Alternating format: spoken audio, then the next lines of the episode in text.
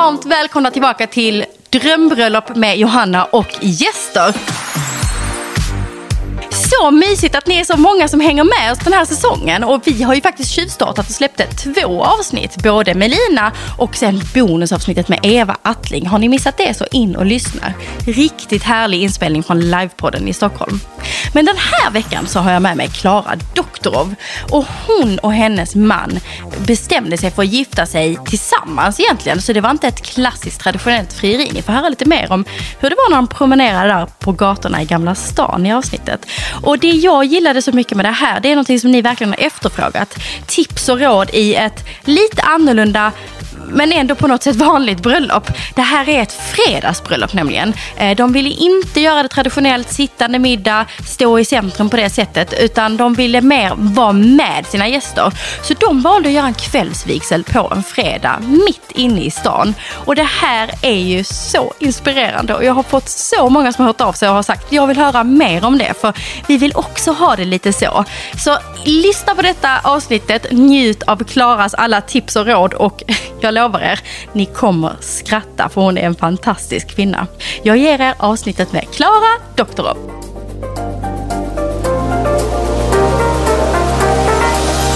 Välkommen Klara Svensson hette du för. Ja. Doktorov heter du nu. Ja, det stämmer bra. Var det rätt, var det rätt Tack. uttalat? Det var rätt uttalat faktiskt. Doktorov, det är inte svårare än så. Vad, vad är du aktuell med? Var hittar man dig? Eh, jag gör morgonradio varje morgon i eh, Energy morgon med Adam Alsing. Så är det jag och Adam Alsing och Messiah Hallberg. Och sen så har jag en podd som heter 30 plus triver. Och så finns du på Instagram. Och så finns jag på Instagram. Och där heter du? Klara Doktorov med K. Och så doktor med K. O-W. Rakt över. Där bara hittar man dig. Ja. Gud vad kul. Podden har jag ju lyssnat på sen ni startade. Så härligt att ha er i lurarna där hemma. Och då var det så härligt eh, när ni började planera det här bröllopet och följa din känslomässiga resa kring det här. ja. Hur känns det att sitta idag och prata om bröllop? Ah, ja, men jag har nog fått hantera det ganska mycket i efterhand. För att jag har eh, ångrat ganska mycket. Är det sant? Ja, faktiskt. Jag, Oj. det har varit jättemycket som jag har varit så här.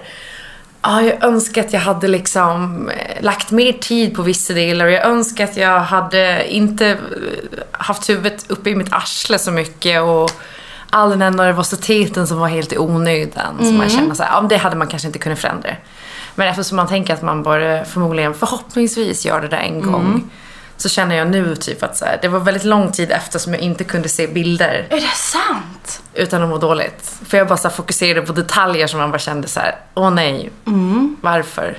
Okej, vi kan gå in lite, för jag har ju fått in en massa frågor på mina DMs till idag. Jag vet att det är lite sånt, typ så här, vad tyckte du var fantastiskt och vad har du velat ändra? Så det kan vi gå in på så småningom. Det ska vi göra. Ja. Men det är inte så vanligt. Jag har haft någon gäst innan som, det var mest hur hon såg ut som hon mådde dåligt över efter. Att hon, hon hade valt fel klänning och fel look. Så det var liksom, hon kunde inte kolla på bilderna av den anledningen för att hon kände, jag ser inte ut som mig. Vem är det på den bilden liksom? Och det blir så synd för jag kan tänka mig att känslan, min upplevelse var att ni hade ju en jättehärlig känsla liksom Ja, på det. Och då är det så verkligen. synd att bilderna pajar det liksom. ja. Sen tror jag att nu har jag ju, nu har jag ju kunnat liksom förlika mig med vissa delar. Och till och med uppskatta dem och tänka så här, de valen man gjorde där och då, att man i efterhand är väldigt glad över helheten. Du har landat lite mer nu i alla fall. Ja, Ja. det har jag verkligen. Ja, du tackade ju ja till att komma hit. Ja, ja, ja. Eller hur? Nej men jag tycker att det är jättekul att prata om det för det blir ju...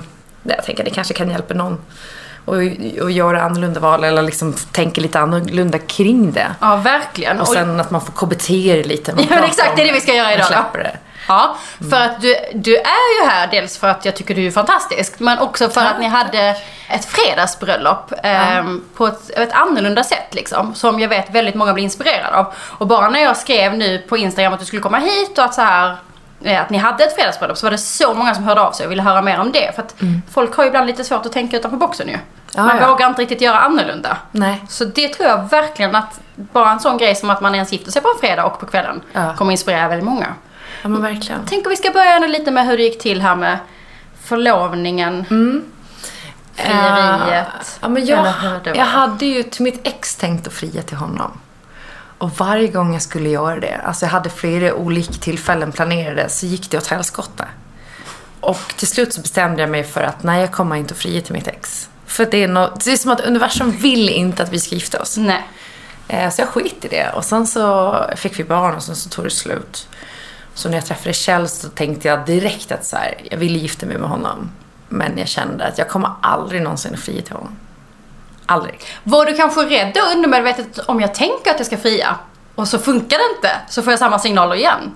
Ja, exakt. Det är bättre att bara bestämma sig för att inte göra det. Nej men precis, lite så också. Och sen också för att han hade levt längre, 15 år äldre än vad jag var. Och jag var liksom orolig att han kanske skulle liksom freaka ur kring hela tanken Okej. på bröllop och sådär. Eh, vilket han nog hade gjort i tidigare relationer. Men i den här relationen inte så mycket. Så det var han som började ta upp det ganska tidigt. Okej. Och vi pratade kring det. Men förlovningen slutade med att så här, vi resonerar oss fram till det väldigt oromantiskt. Eh, för det var, jag hade precis blivit typ taggad i så här boxningsnyheter.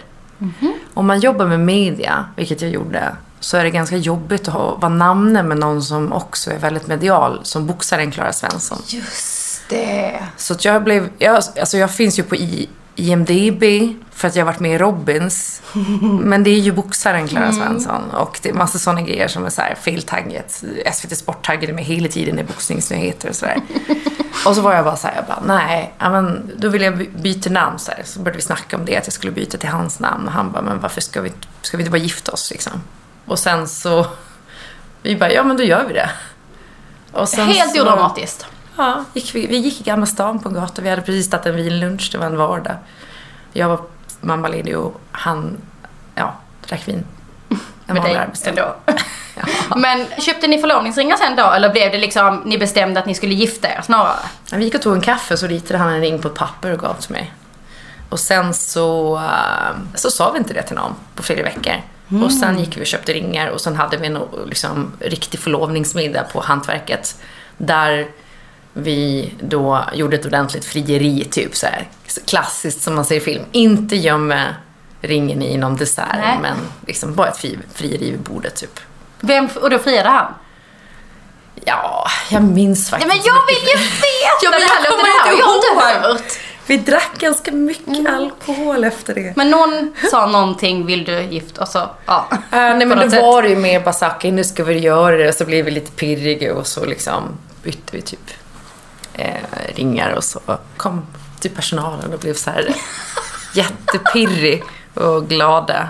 Ni Ja, det var alltså- väldigt mysigt. Ja. Och sen så la vi typ upp någonting på Instagram och då hade vi ju varit förlovade i typ tre veckor. Mm. Ingen visste. Jag hade redan bestämt klänning, vi hade bokat eh, lokal, allting. Ja, för det var nog så, när du berättade i podden så var, var ju mycket upprullat liksom. Så Ja. jag kommer ihåg det, att det var så här, wow, wow, wow.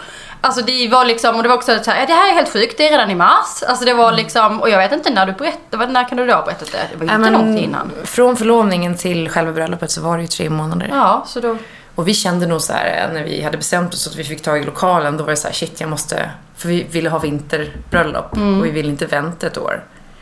Så då så kände vi att det blev väldigt tight och man skulle beställa klänning och alla var så ja ah, men det är typ fyra månaders leverans. Jag gick ju in i en klänningsbutik, jag hade bokat flera olika, men jag gick in i en och bara första klänningen jag provade, jag bara den här är det.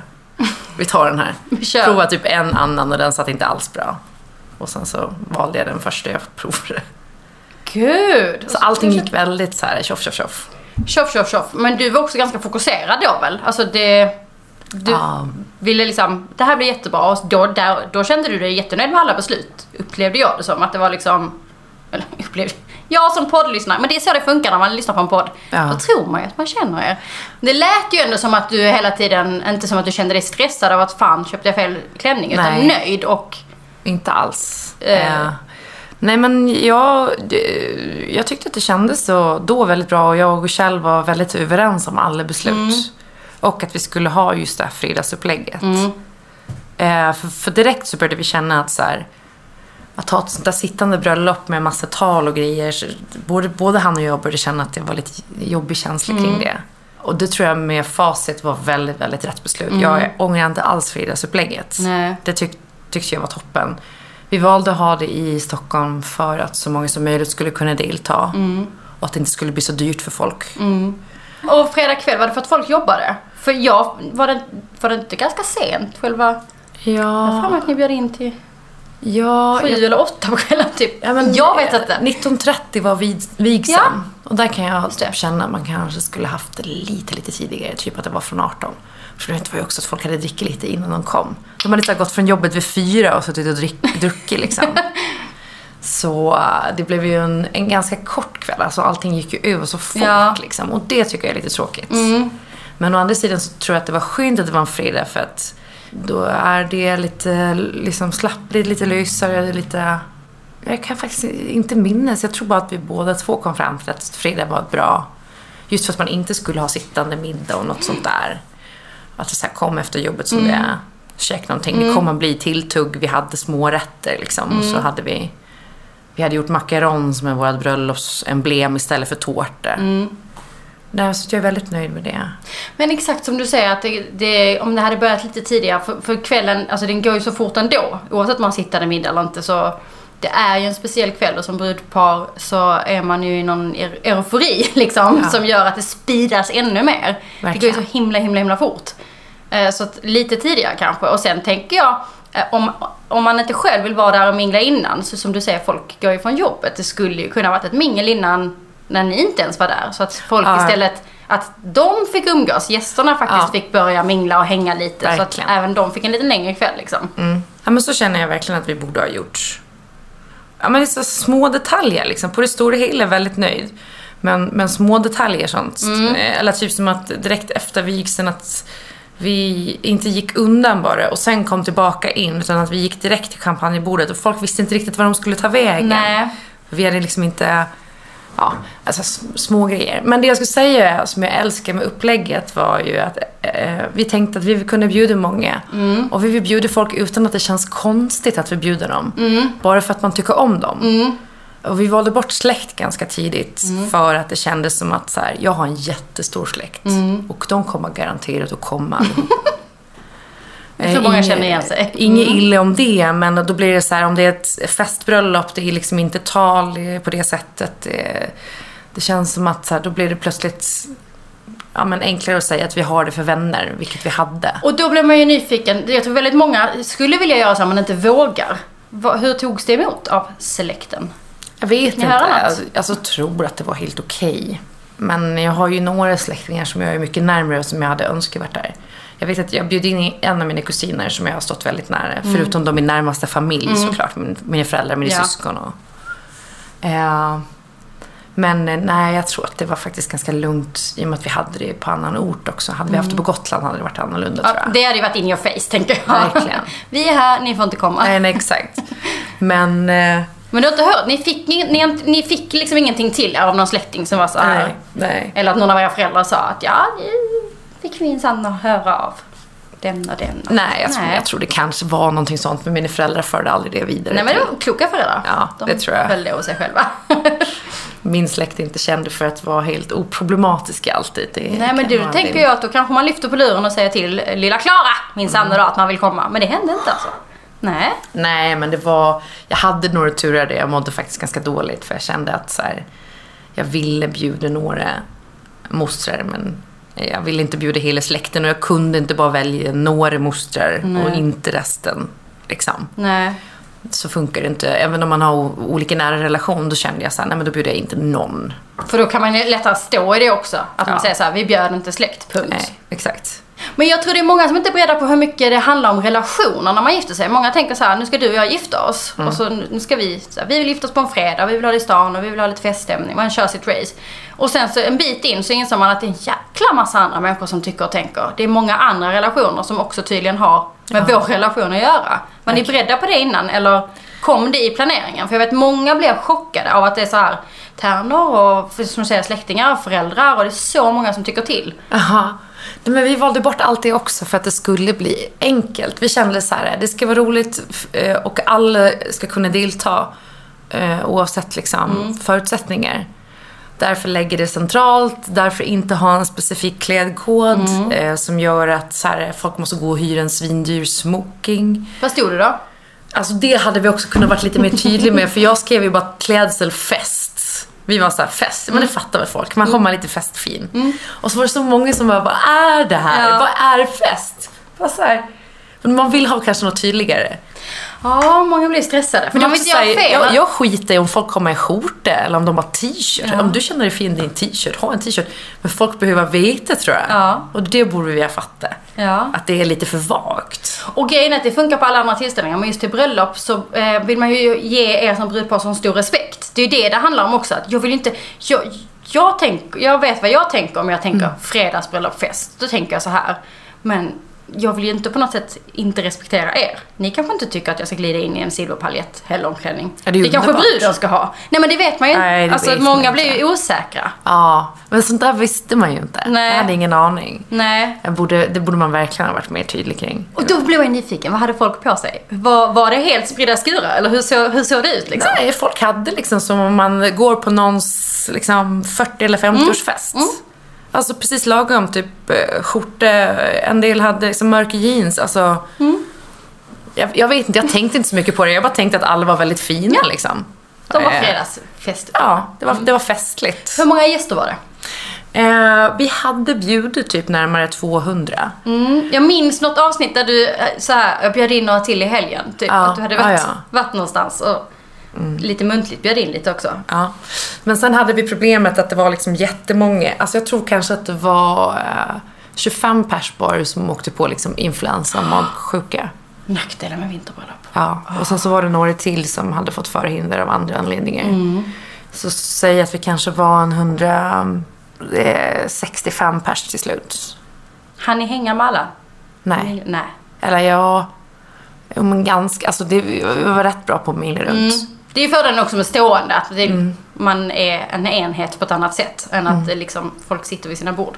Fast. Men, men det var så himla bra för vi hade då valt eh, och det kommer jag ihåg att den prästen som vi hade, jag är så jävla glad för henne i efterhand. Alltså, vilken människa. För hon var väldigt så här, vi var på intervju med henne, hon hörde av sig jättemycket i förhand. Och vi hade också varit så här, ska vi ha präst eller inte? Jag kände om vi ändå kör ett partybröllop och vi är på ett annat ställe än i en kyrka. Då vill jag ha en präst så det känns som att vi gör det här på riktigt liksom. Eh, och, och inte liksom Ebba Busch som står och, och, och, och pratar om någonting. Inget ont om det, men jag bara kände så här att det ska kännas lite så sakralt ändå, lite heligt. Och hon hade tidigare kommit från inredningsbranschen och varit inredare och skolat om till präst i äldre dagar. Men gud, wow. Eh, och var liksom väldigt så här, eh, ung ska jag inte säga, men hon var nog faktiskt i Kjells ålder. Eh, och, Så eh, ung säger vi för Nej, men, ja, säg att hon var 55 då. Ganska ung liksom för att vara präst. Och typ så här medveten och grejer. Hon hade skrivit de absolut finaste talen till oss om varandra baserat på den researchen hon hade gjort. Och jag kommer ihåg att folk var så oerhört rörda av hennes eh, liksom insats. Men hon var också väldigt, väldigt hård med det här med inredningen. Så att hon ringde mig innan, när man har liksom all stress. Och bara, hur kommer det se ut nu det här, där själva altaret, och där vi kommer att stå? Jag vill ha en bukett, jag vill ha ett litet bord, jag vill ha det här, jag vill ha ljud, jag vill ha det här, jag vill ha ljus, jag vill ha... Okej, jag bara, ja. Absolut. Så jag bara ringer Kjell och bara så här, okej, prästen har krav. och jag vill säga, jag hade inte ens tänkt på hur det skulle se ut när vi skulle... Stå liksom. Nej, alltså, Nej. Jag, jag var så här, jag ska ha jättemycket levande ljus. Jag hade inte tänkt på i vad då? Var I, i, I kandelaber. Så sa de på färgfabriken när vi skulle vara, bara, men vi har jättemycket ljushållare, vi kan fixa det där. Mm. Och sen när vi kommer dit så har de tänt upp lampor i så olika så här discofärger. Och hon kommer ner till våran, för vi hade en förmiddag bara med närmaste familjen Mm. innan alla gästerna kom då. Och eh, hon bara, förlåt, får jag låna er en liten stund? Kan ni komma upp här? Och så kom vi upp liksom, och då är, går vi ändå från våran eh, bröllopsmiddag med Bröllopsmiddag, familjen. ja exakt. Och hon bara, alltså är ni, är ni verkligen nöjda med det här? och jag bara så här, okej vigseln börjar om 35 minuter. Bara, Är ni helt nöjda med det här? Och jag bara, nej. Nej, hon bara, nej precis, nej precis.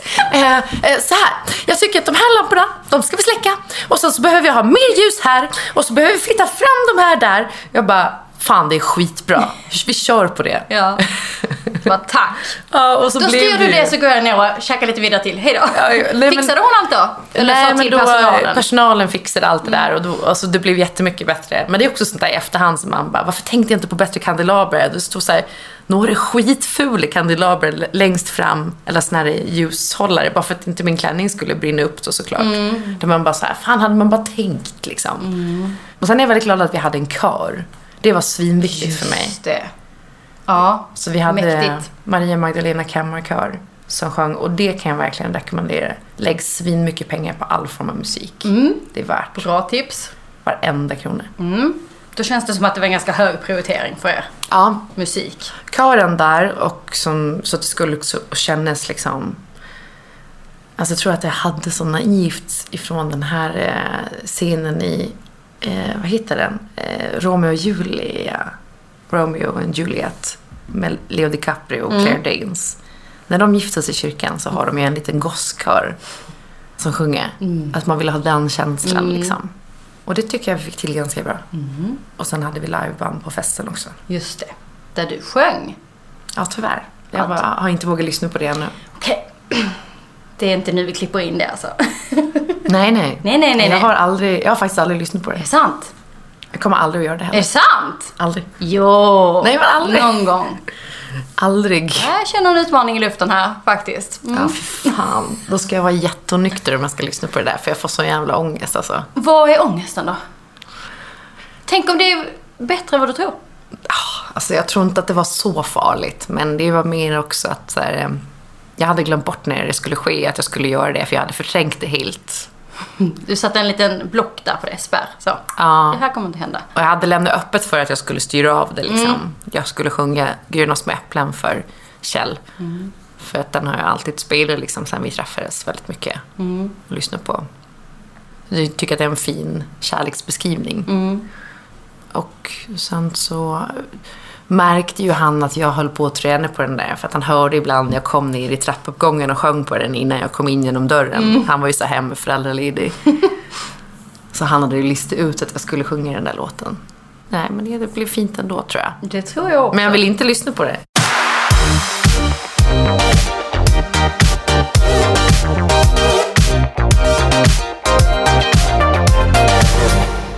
Nu, mina älskade lyssnare, är det faktiskt så att jag har med en fantastisk person som ska prata med mig om det här samarbetet som vi har den här säsongen i Drömbröllop med Johanna gäster. Jag har med Eva Attling herself för att vi ska prata lite om ja, men det här med att få hjälp med att välja sina vigselringar och bröllopsringar. Välkommen in i studion. Tack så mycket. Så kul att få ha med dig i egen hög person när vi ska prata lite. Jag pratar ju väldigt mycket om era produkter varje vecka. Men nu tänkte jag att du skulle få berätta lite hur det går till när man som brudpar kommer in till er och ska få hjälp att, att välja ut vigselringar. Ja, jag önskar att jag kunde vara med varje dag, men det är jag ju inte. Men jag har världens bästa personal. Men när jag började för typ 24 år sedan, då var det verkligen härligt att få in ett par som eh, ville förlova sig eller ville gifta sig. Och för att då, då fick jag vara med i det här underbara kärleksmomentet. För det är ju både pirrigt och eh, eh, glädjefullt och eh, väldigt härligt. Och när då eh, brudparet kommer in i butiken, eh, man kan också kolla online såklart ska jag säga, evattling.se, in och spana på wedding-sortimentet där. Du har ju gjort enormt mycket olika vigselringar och förlovningsringar. Eller alliansringar ska man i och för sig kanske kalla dem med. Det är ett otroligt sortiment du har tagit fram. Ja, men det är ju så. Kärleken är ju störst.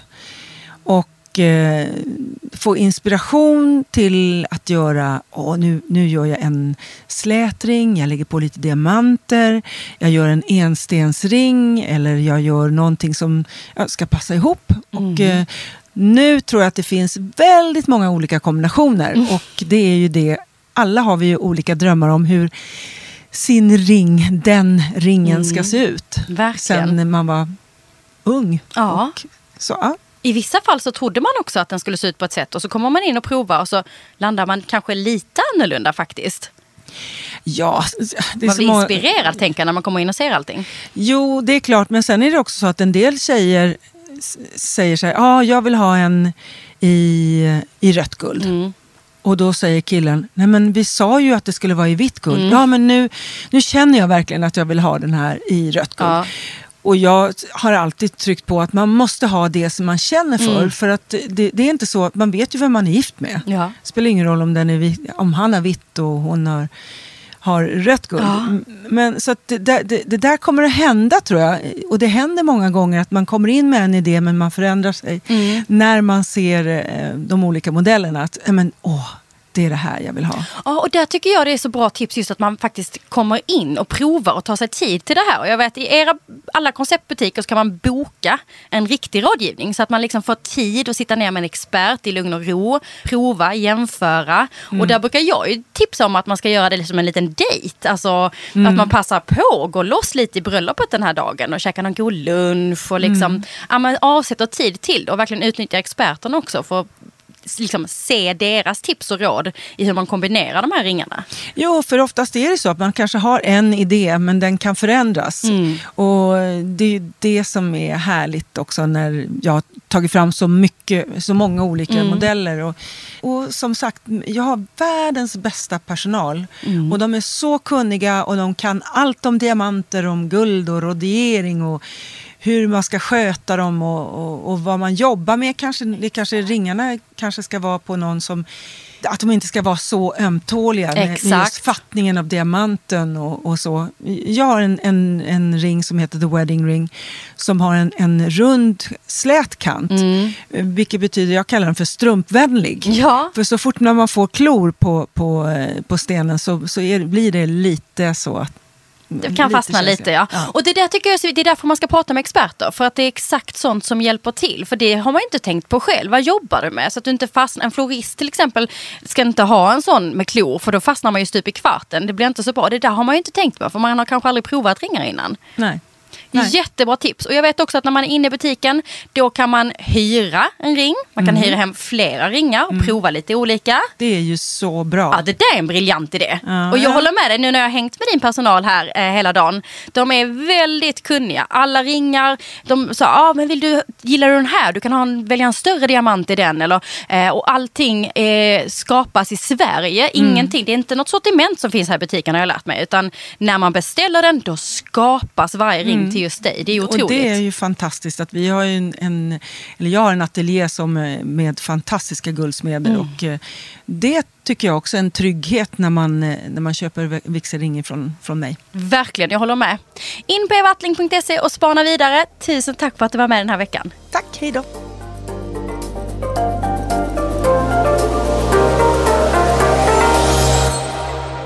Hur var liksom bröllopsdagen?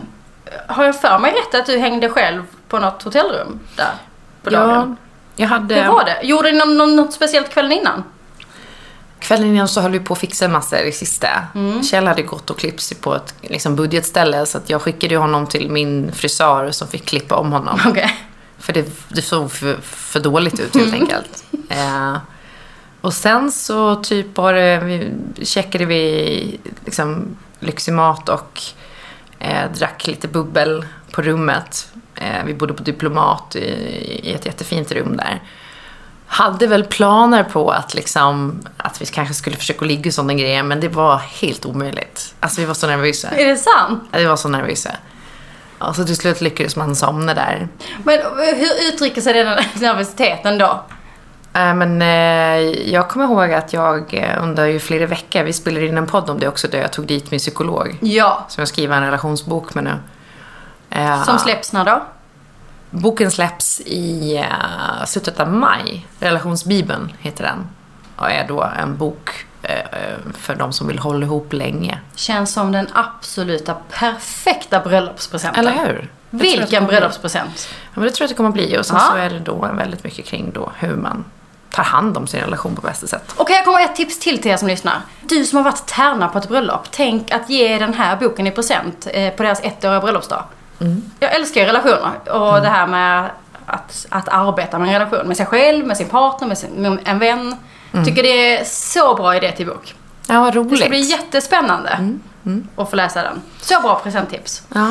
Okej, ja. Eh, kvällen innan där så var ni Ja. supernervösa Blev då. ingen ligg. Nej. Nej. och jag mådde ju jättedåligt. Just du må, precis, det var här poddavsnittet vi var på. Ja. Eh, där din psykolog var med i poddavsnittet. Ja, hade liksom ju grav ångest och då blir man ju så här, börjar man bli rädd och tänka så här, shit, är det min kropp som försöker säga till mig nu att jag begår ett misstag? Är det någonting sånt? Jag, vet, jag minns att Kjell blev jättenervös och var så här, men varför får du sån ångest liksom? Så här, är det någonting som är fel typ?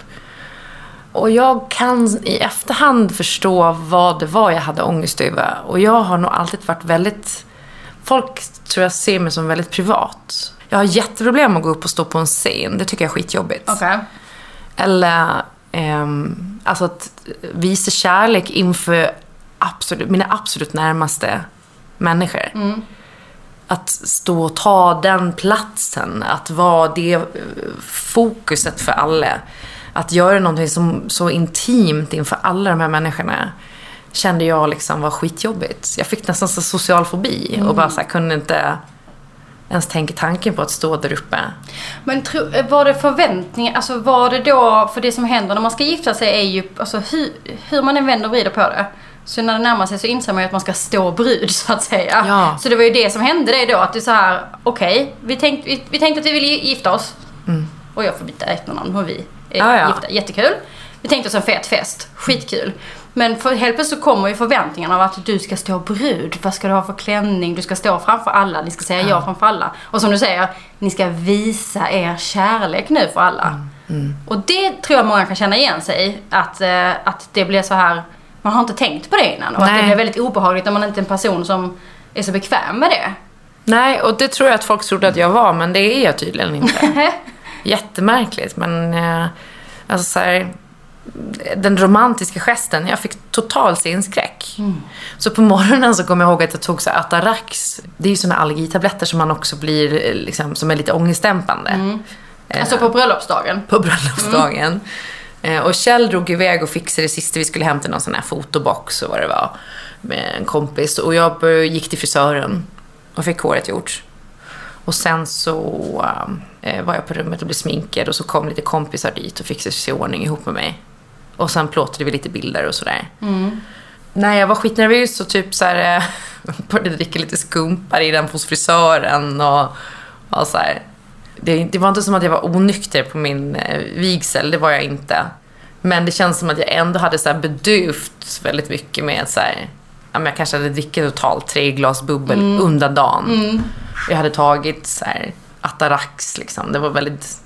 Men kvällen innan, var du... Var det olika sorters universitet tänker jag, kvällen innan? För då var ni ju tillsammans. Ja. Eh, Eller, var ni nervösa ihop då? Eller, för Nå. tänker om du mådde så de sista veckorna. Så liksom hur det... Hur, hur du och ni tog hand om det. ja. Liksom sista dygnen där och liksom...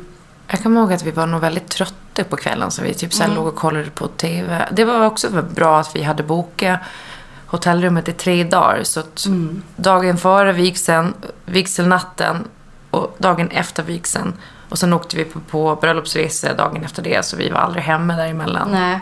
Det var väldigt skönt att bara vara i den bubblan liksom. Men ni somnade på något sätt. Sov du den natten då? Ja men det gjorde jag nog. Det kunde jag nog göra. Och så kommer jag ihåg att man vaknade dagen efter med den där jag, jag dör, jag avlider. det går inte. Jag kan inte gå utanför dörren. Men eh, sen under själva vigseln så kommer jag ihåg att jag var fokuserade 100% på Kjell. Mm, det är nog det bästa tipset. Och jag det- tänkte inte på alla andra. Nej. Så det försvann liksom för mig. Det var bara han och jag där och prästen och kören. Jo men det tror jag är ett jättebra tips att ha med sig och, och även de som kanske har gift sig i en kyrka där man dessutom ska gå, gå in för den här gången eller så här, att man Just det här, det är ju du och jag. Att man bara försöker hitta varandras ögonkontakt i det. Att det, är så här, det, det är det här det handlar om. Det är du och jag. Och för de som då där han står där framme kanske, om man kommer in med tärnor eller så. Då är det också bra att fokusera blicken ibland på någon tärna om man har hängt med någon människa under hela dagen. Och skämtat och du vet liksom, för då är man så här. Okej, nu, nu, nu ska det här vara så högtidligt och alla tittar på mig. Då behöver man hitta någon som mimar ett skämt Ja. till en eller någonting som vet att så här. Vi har en grej här. Vi har Ja. hängt hela dagen. Allt är vanligt. Det är inget konstigt. Så här. Allting är som vanligt liksom. Ja, så det är precis. tipset för att så här. Det är inte så stort spektakel som vi har råkat måla upp det som att det ska vara liksom. Nej. Ta det lite lugnare. Men du... Ja, Jag hade ju inget här Däremot så hade jag min dotter då, Betty. Och hon var jag så rädd för att hon inte skulle våga gå in med mig själv. Så då så pratade jag också med min mamma. Så, och min mamma gick då bakom mig och jag gick med min dotter. Och jag hörde ju när jag gick in i lokalen att min mamma började hulkgrina bakom mig. Och bara... Jag bara, åh nej, åh nej, nu kommer, jag, nu kommer det brista för mig med. Men det gick ganska bra.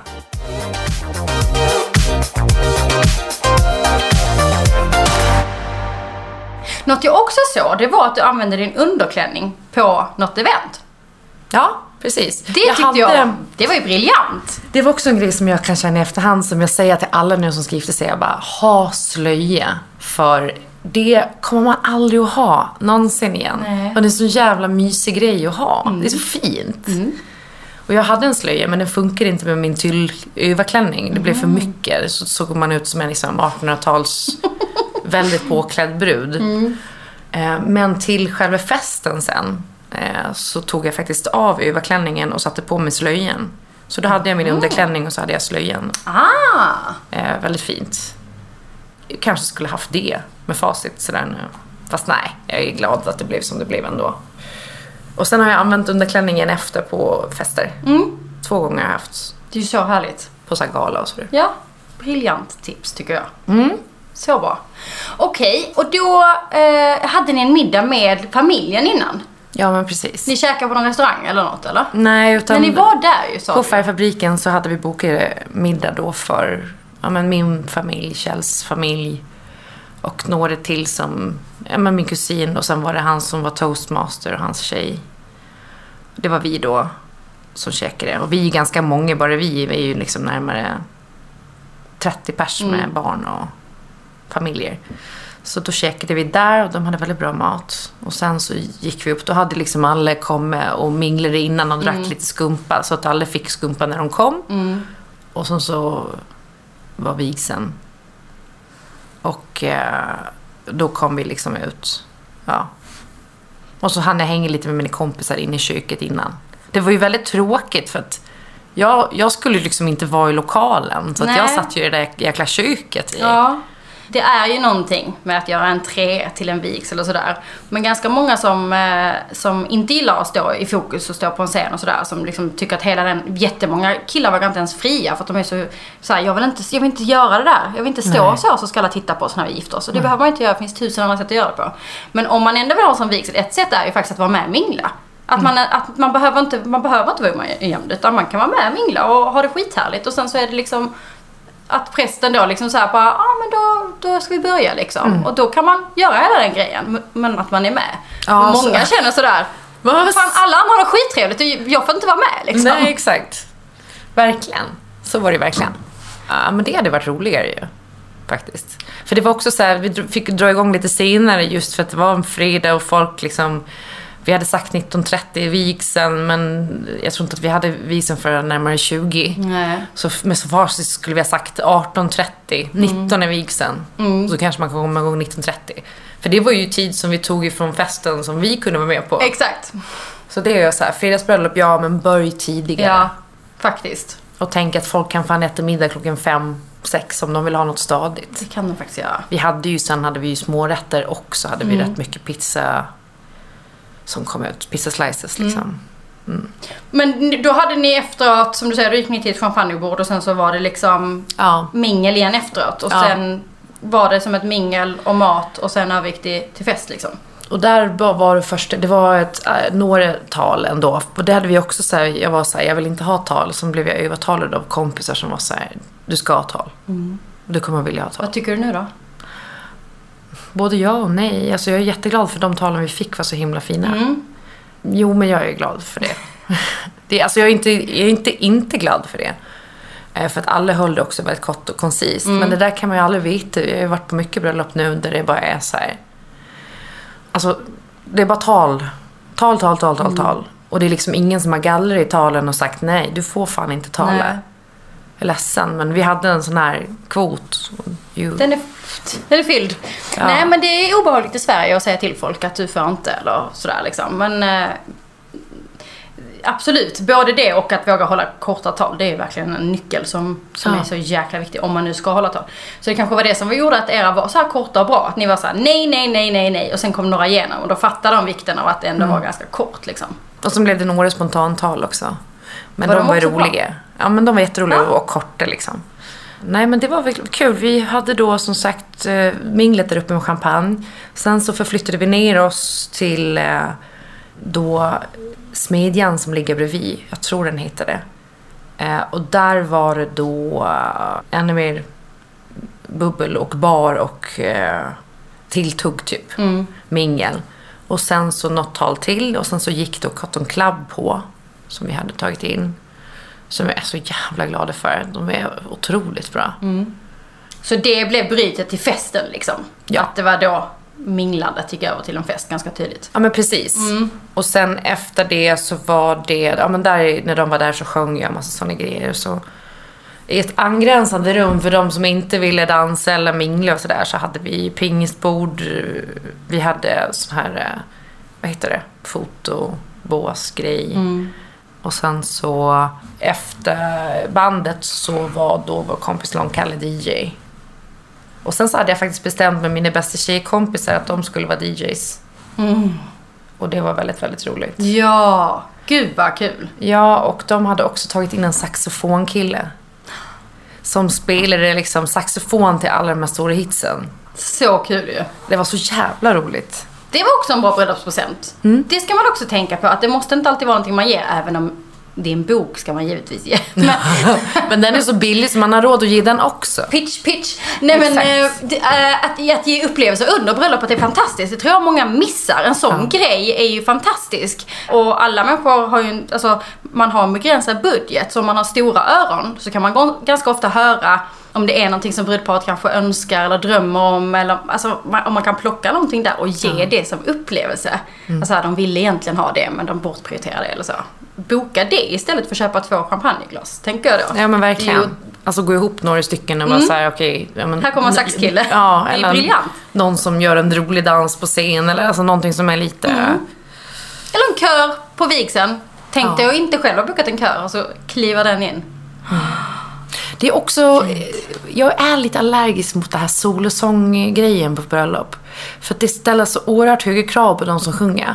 Och ofta väljer man människor i sin närhet som typ inte är skolade sångerskor eller sångare. Och som ändå förväntas då, så, men du sjunger så bra, kan inte du sjunga den här? Och så blir det liksom nervositet och sådana grejer och så låter det inte hundra. Det kan jag känna att en kör Ja, de är ju bra ju. Ja, och Men de... jag tänker, vet du, de som då gör, som man, om man tar någon nära och gör den grejen. Mm. Förhoppningsvis så har man haft med det i beaktning. Så, Ja. att, i alla, så att man som brudpar ehm, tycker att det är fantastiskt. Alltså med att de då som du säger är nervösa eller tappade eller sjunger lite falskt eller så. Men att man ändå tycker att det är fantastiskt. Mm. Och då är, det, då är det de här gästerna som är de farliga. För att gästerna har ju höga krav nu. Nu- Alltså nu, Ja. bröllop har ju blivit event. Så du som gäst, man tycker ju till. Man, det, är så här, Ja. det var bra, det var inte så bra. Lite för lite mat där och den var lite kall och den var bra. Det, Ja, det är väldigt ju- mycket, Visst är man så? När du, om, om du träffar någon och de var så här, var du på bröllop i helgen? Bara, hur var det då? Då ger man ju lite bedömning. Nu gör man ju inte det till brudpar tack och lov. Så att det är väl okej. Men det har blivit rätt höga krav på det. Mm. Så om man bara som brudpar eh, har med det beräkningen med nervositet och sånt där. Och om de är nöjda, då tycker jag ju att absolut att man ska köra på det ändå. För Ja. att det är väldigt fint att en, en syster sjunger eller ens kusin eller sådär liksom. Ja. Och då får man bara, då får du, då får du som gäst, får bita det sura äpplet och Ja. lyssna ändå liksom. ja, men eh, det har jag kom på också för att eh, jag gjorde en brudmakeup för en, en kompis i somras. Eh, och jag tyckte det var fruktansvärt för, jobbigt alltså. Så pratade jag sen med min, ja, men hon som gjorde min makeup eh, på mitt bröllop. Och hon sa det, hon bara, jag går aldrig på de bröllopen vars make jag gör. Så att, för det, man kan inte tänka på något annat. Nej. Och under hela vigseln och under allt det där så här, att man, det tar all fokus. Och jag tycker att så här, det är toppen att involvera vänner i, i grejer och sådär för att det blir väldigt personligt då med sång eller med sånt. Men det gör också att de personerna kommer bara tänka på det fram tills deras insats. Och det försökte vi ju komma ifrån, så vi tog ju in all hjälp egentligen. Förutom eh, toastmanskapet liksom. Det hyrde vi inte in. Nej. Men i Ubit så var det så här, alla kom och hörde av sig och var så här, kan vi hjälpa till med något? Och man bara nej. Nej. Du ska bara komma dit och ha roligt.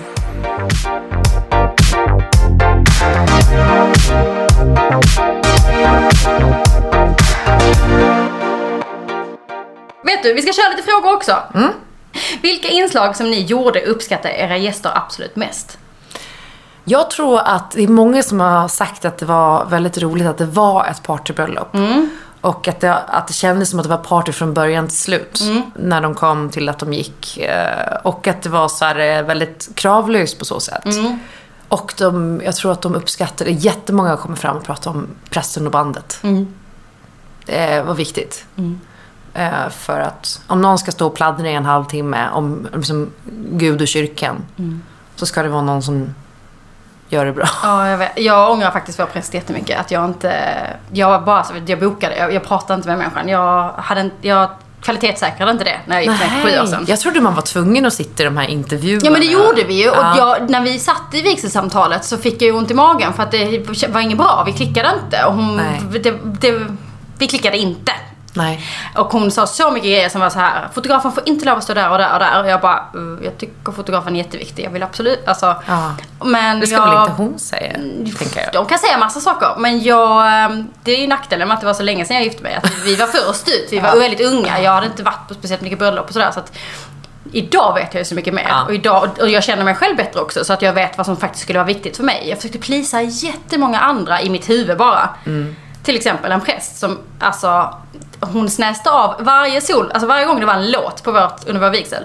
Så vände hon sig om till fotografen och skällde ut fotografen. Och det är ju mitt framför mina ögon som Men brud. Man bara, lite dålig stämning här nu. Det förstör du jättemycket. Jag ångrar så Ja. att jag inte... Så det är Ja, det förstår jag. väldigt bra tips. För de gör ju väldigt mycket stämning. Alltså de gör ju... Jättemycket stämning. Och att hon var så här också tog in hela rummet och sådär. Men det är också som ehm, jag störde mig lite på var så här, hon var jättenoga med att vi ska följa vigselordningen och du måste ha två, eller du, ni måste ha två salmer. Mm.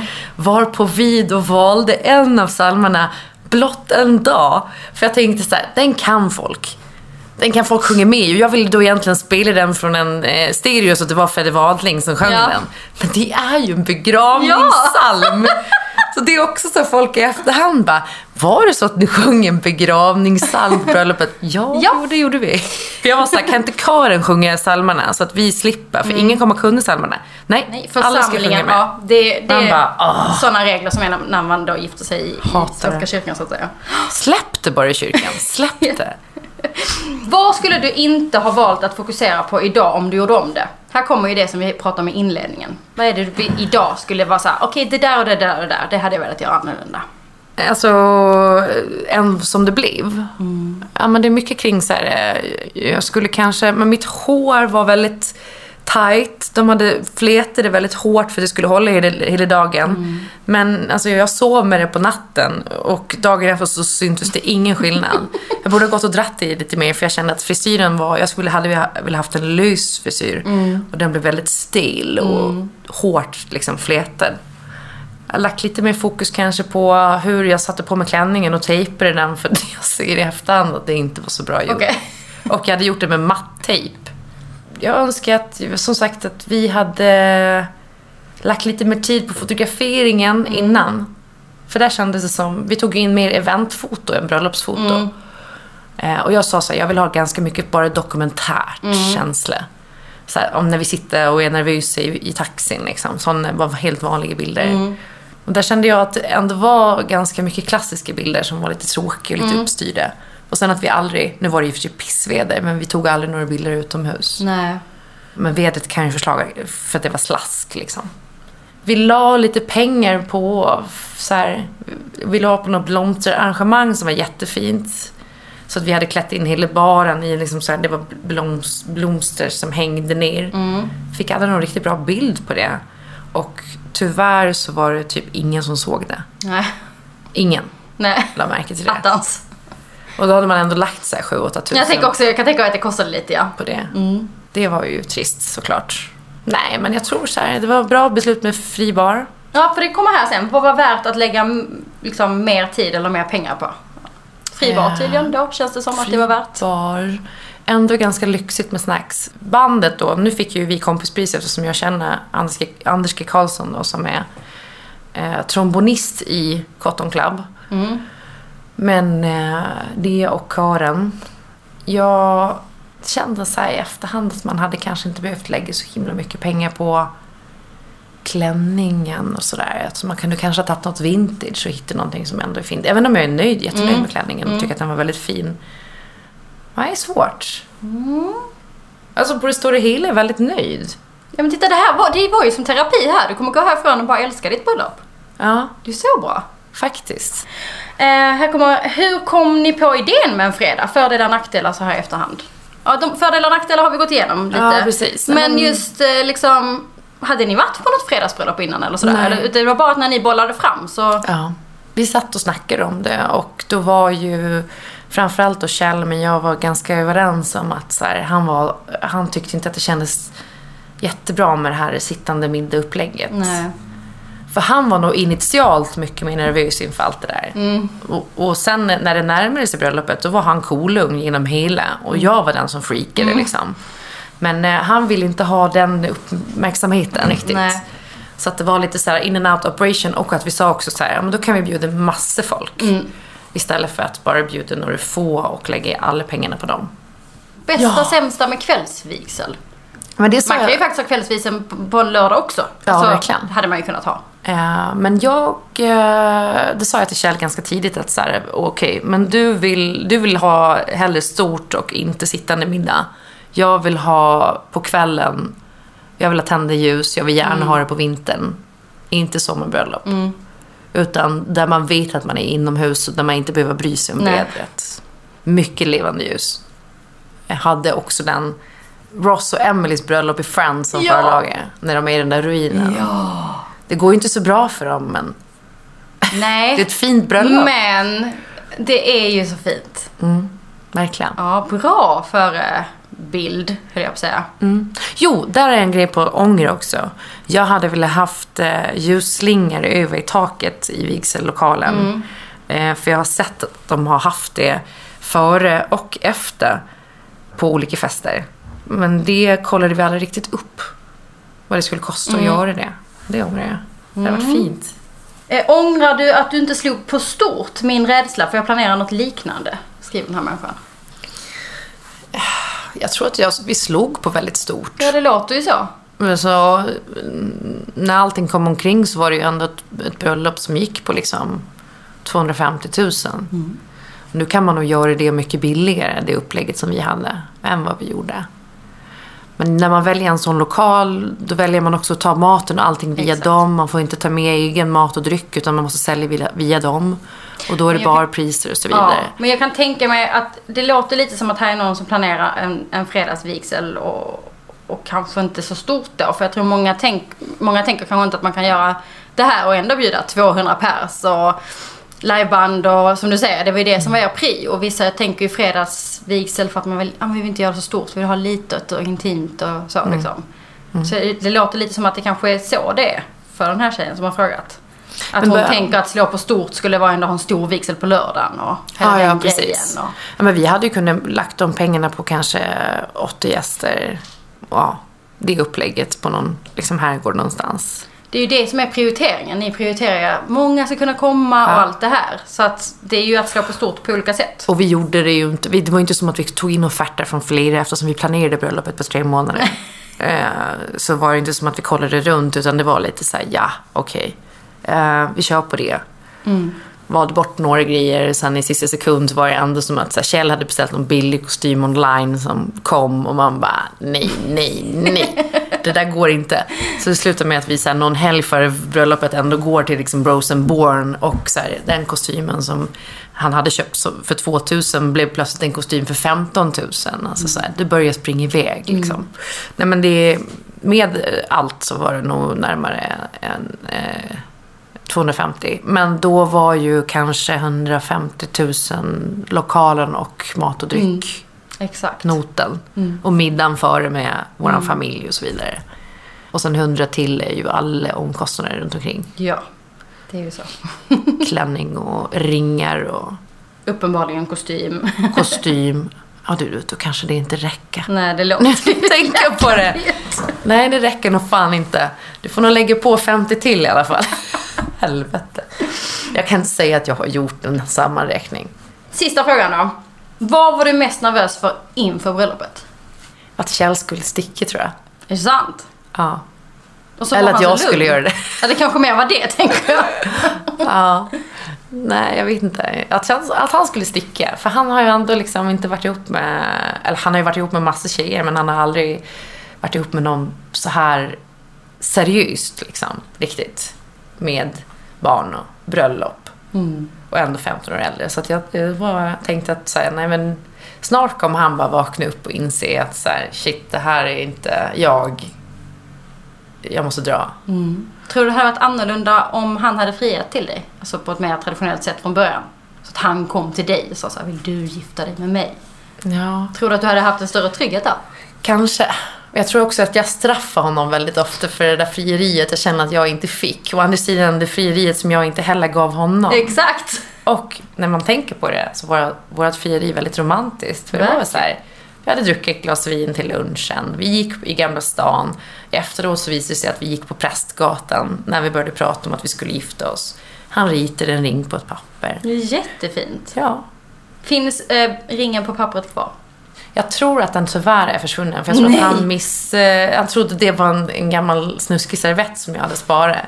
Så den försvann nog. Attans, jag ville så gärna att den var inramad någonstans. Eller hur? Eller hur? Det borde man ha varit lite mer noga med. Attans. Tusen tack för att du kom och Ja, bjussade på fredagsbröllopet. Känns det bättre nu? Ja, det gör det. Det gör det? Ja. Nu älskar vi ditt bröllop. Jag har älskat det hela tiden. Men Jo, men jag gör det också. Du har också acceptansen nu. Framförallt så, ja men verkligen. Jag är jätteglad att, att... Jag är också väldigt glad för min bukett som min svägerska gjorde. Det måste jag bara berätta. Min svägerska Paula gjorde min brudbukett. Och jag tyckte den blev otrolig. Bättre än vad jag hade föreställt mig. Och då undrar jag, har du frågat henne om hon hade ångest inför och under? Nej, det hon du mådde sa innan. jättedåligt. Titta! Hon mådde jättedåligt. Jag märkte Där när var ju hon, en sån. hon kom och skulle leverera buketten innan på hotellet. Så, så märkte jag att hon skakade. Jag tror hon var så jävla nervös för att vi inte skulle gilla och de här små blomster... Ja, corsagerna. Kross, ja, Ja. precis. Jag har också gjort blommor. Ja, det är som du säger, man har ju total ångest. Man vill ju att det, du ska vara så nöjd, man vill ju att det ska bli så Ja. bra. Nej, men, man, Men det var du. Ja, verkligen. Otroligt.